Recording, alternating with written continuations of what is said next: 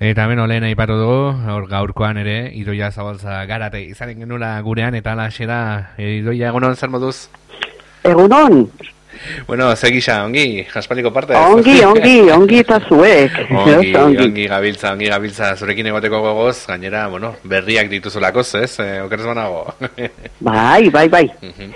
horixe. Be, hori da gaurko elkarrezketaren xedea. Hori. Ematea, e, antolatu dugu, zeigarren mikroipuin lehiaketako e, lehiaketa, mikroipuin lehiaketa. Hori da, e, bueno, pasaden e, astean jada adostu zen dituzten, e, bueno, aste honetan eman duzu aditzera, e, segarren mikroipuin lehiaketa dugu eskuartean, konta ego zu pixkat, e, bueno, nola izanen da lehiaketa?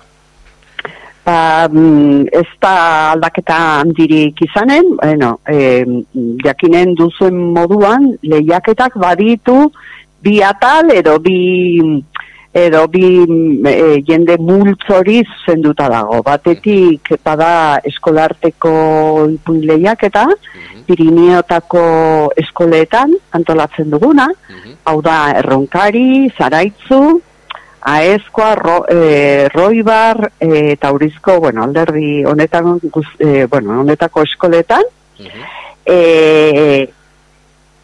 lehiaketa horrek baditu lau kategoria, hau da, mm, lehiatuko dira helen eskuntzako hirugarren eta laugarren mailakoak elkarren artean, gero e, lehen eskuntzako bosgarren eta segarren mailakoak best, e, bestalde, eta BBH-ko lehenengo eta bigarren mailakoak eta e, hirugarren eta laugarren mailakoak. Orduan, lau kategoria hoiek badaude, e, lanak aurkeztu behar dira martxoaren hogeita birako, Eta, bueno, e, gero bada epai mai bat, e, e, eskualdeko Euskara teknikariek osatzen duguna, egiten dugu aukeraketa bat, baina azken bozketa beti eskoletan egiten da, e, e, ipuin noberenak em, ematen zaizkie, eta beraiek berriro, ikasleek beraiek i- irakurri eta, bueno, hauekin, ose, edo, e, gehien gustatzen zaiena e,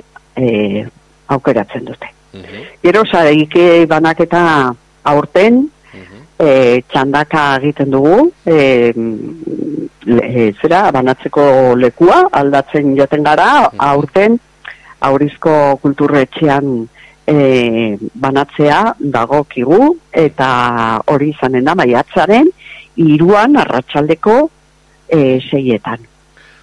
Eta egun berean, eta ekitaldi horretan bertan baita ere, banatuko dira, zeigarren medikuroipui lehiaketako sariak. Eta e, hori, helduei zuzenduta dago, bueno, hain zuzen ere, e, amasei urtetik gorakoei. Beti ere, ba, Pirineoarekin edo lotura moduko bat baldin badute. Hau da, errodoldatuta badaude, edo bertan etxea baldin badute, edo, bueno, edo be- bertan jaio, bizi, eta, bueno, e, zea badira.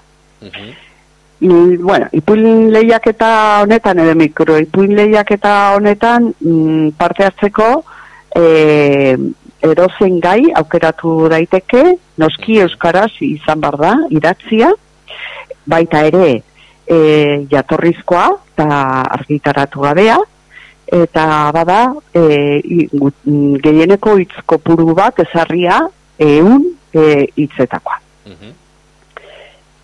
E, bueno, bada, e, ipuin hauek aurkezteko modu bat, e, emailez aurkeztu behar dira, pirimikro ipuin lehiaketa abiluaga emai puntura bidalita, eta, bueno, sarea e, sozialen bidez, e, mm, e, zabaldu dugu, gutx gora bera, nola, nola egin behar den aurkezpen hori, ez? Nola aurkeztu behar den.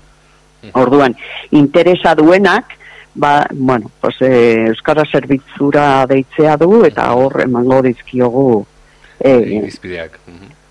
algeibideak. Bai.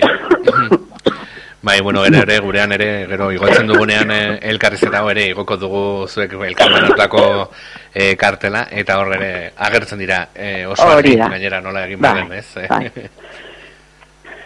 E, bueno, eta besteri gabe, e, jendea pixka bat gehiago animatzeko, pues, komentatuko dugu bi, bi sari daudela, lehenengo saria, e, egun da berrogeita mar e, eurokoa dela, eta gero bigarren saria e, opari bat, izan Mhm. Osongi. Mhm. E, bada, e, epea, e, e, zera, apirilaren bostean, e, izanen da azken, e, aurkezteko azken eguna, Mhm. eta, bueno, ordutik aurrera, maiatzaren irura arte, ba, orduan izanen da, epaimaikiren lana egiteko epea. Mhm.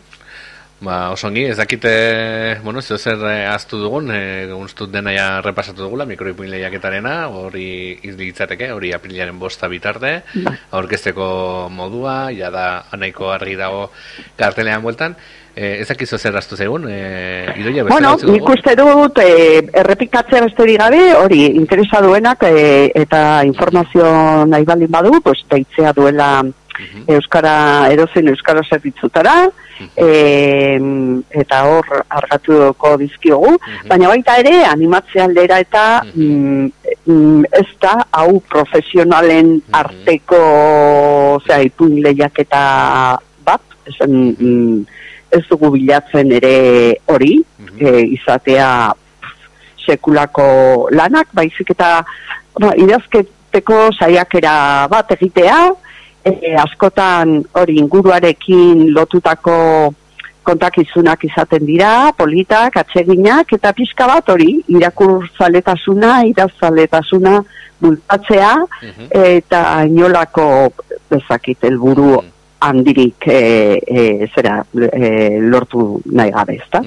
Orduan, bueno, pues, e, animatzea hori, e, edo zeinek egin dezakela e, lan polita, hori frogatua dugu, antolatu izan dugun e, ipile jaketetan, e, hori, e, mm, ez dakit, sorpresak izan direlako, baita ere hori aurkeztu duten horiek, bo, jo, ez nuen uste irabazi behar nuela, eta alaxe, e, orduan, bueno, e, askotan ez da profesional handi bat, e, zakit, kontaketa xarmangarri bat edo sortu alizateko.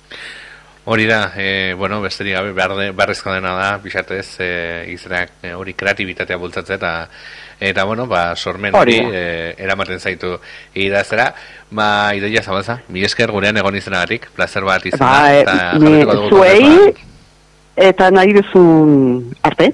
Ba, isa, besarda bat, idoia, esker. berdin, ale, aioneko.